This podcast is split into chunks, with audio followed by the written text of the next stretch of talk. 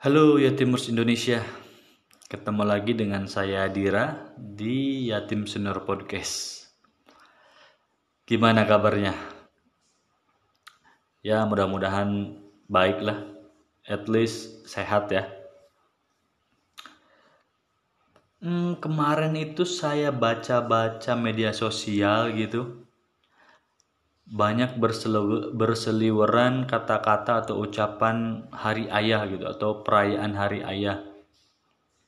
Ya walaupun nggak serame perayaan hari-hari yang lainnya kayak hari ibu, hari pahlawan atau hari maulid nabi gitu.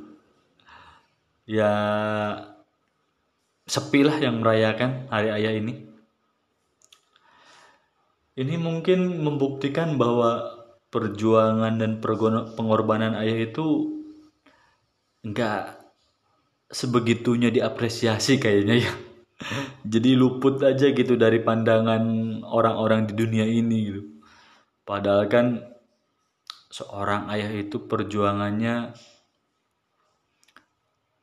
uh, bener-bener gede ya. Ayah bertanggung jawab ya bukan semua ayah sih. Karena saya sering juga ngedenger seorang ayah rela kok mengorbankan masa depannya, kehidupannya atau bahkan nyawanya untuk anaknya gitu. Cuman bagi saya seorang yatim ya, hari ayah itu kayak hari ibu bagi para piatu atau hari buruh bagi para pengangguran atau bahkan hari Valentine bagi para tuna cinta ya jombloan jomblowati jadi intinya hanya menghadirkan kesedihan gitu loh. Karena ya sebagai yatim kan ada aja gitu perasaan iri ke orang-orang yang merayakan hari ayah soalnya kan kita sendiri nggak pernah gitu memiliki figur seorang ayah.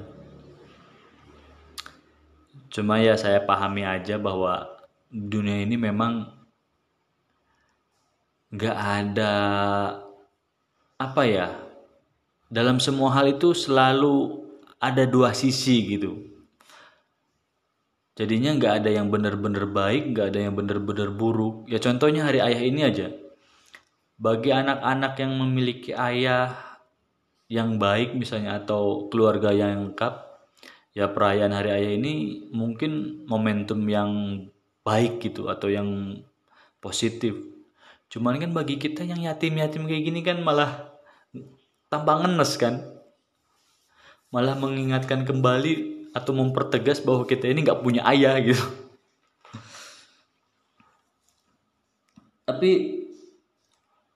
kalau dilihat dari sudut pandang lain ya saya tuh punya anggapan bahwa hari ayah ini mungkin adalah satu-satunya hari dari 365 hari dalam setahun yang disediakan untuk memfasilitasi atau mengakomodir anak-anak yatim agar bisa menumpahkan kesedihannya gitu sebagai yatim. Bisa bergaloria atau bisa mungkin menghujat keyatimannya ya di hari ayah ini gitu. Karena kan dalam dalam setahun atau setiap hari anak yatim itu kan dituntut untuk hidup dengan sabar, tabah gitu. Nah masa iya nggak kita nggak dikasih kesempatan ataupun satu hari untuk menjadi orang lemah ataupun orang sedih yang meratapi nasibnya sebagai yatim? Nggak fair kan kalau kayak gitu. Jadi ya itu, kayaknya sih hari yatim ini, eh hari ayah ini bagi anak yatim ya bisa juga dirayakan tapi dengan cara lain. Bukan dengan sukacita tapi dengan uh, gundah gulana atau kesedihan. Uh, tapi bagi saya nih yatim senior yang udah nikah dan punya anak hari ayah ini malah bikin saya bingung gitu karena saya nggak tahu harus bersikap seperti apa jadi gini sebagai yatim kan kita itu nggak punya sosok ayah ya yang bisa dijadikan role model gimana menjadi seorang ayah yang baik gitu kalau misalnya masih punya ayah kan entah itu ayahnya buruk ataupun baik, masih bisa dijadikan referensi. Misalnya ayahnya baik, pasti kan logikanya, uh, saya nanti kalau udah jadi ayah harus bisa seperti ayah saya yang baik sama anak dan istrinya. Atau misalkan ayahnya nggak sebaik itu gitu.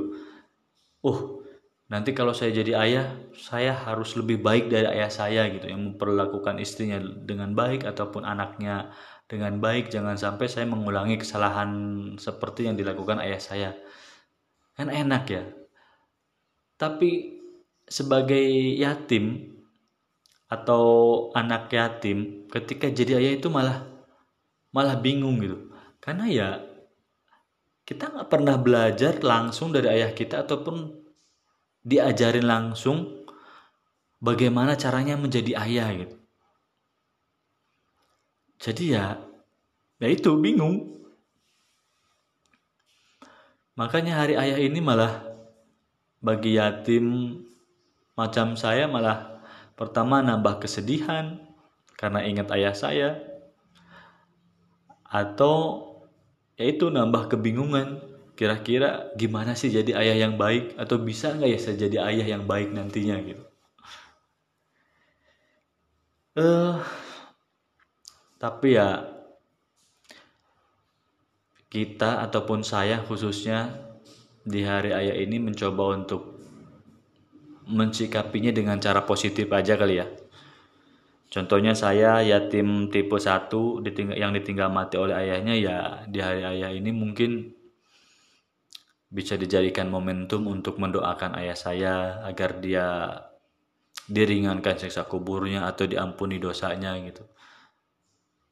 Uh, dan bagi Anda misalnya yatim tipe 2 yaitu yatim yang ditinggal cerai ayahnya, mungkin ini bisa bisa dijadikan momentum untuk memperbaiki hubungan Anda atau untuk memaafkan diri Anda atau ayah Anda gitu. Biasanya kan anak-anak yang ditinggal cerai oleh ayahnya kan kayak ada perasaan benci gitu ke ayahnya. Gitu Nah mungkin di hari ayah ini uh, Anda bisa memperbaiki keadaan. Entah itu dengan cara mengontak beliau.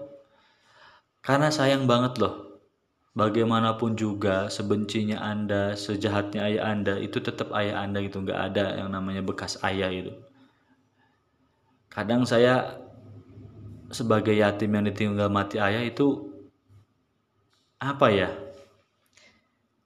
Ngelihat anak-anak yang benci ayahnya karena gara-gara ditinggal cerai itu kayak uh sayang banget. Ya memang sih nggak mudah untuk memaafkan kesalahan ayah gitu. Cuman kan mau sampai kapan gitu? Sayang loh. Masih ada masih hidup. Kalau udah mati nggak bakalan bisa ngapa-ngapain lagi.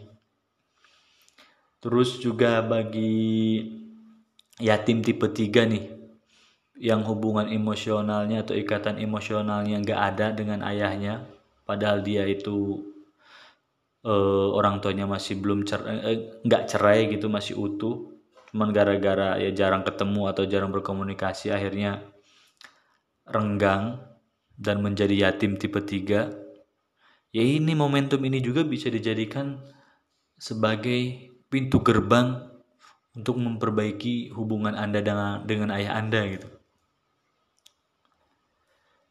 Hmm, kayaknya itu aja deh yang mau saya sampaikan kali ini. Hmm, semoga yatim-yatim di luar sana uh, apa ya bisa memanfaatkan momentum hari ayah ini ya dengan positif. Walaupun tadi pembahasan saya agak skeptis sih sama hari ayah ini. Sekian aja dari saya. Thank you.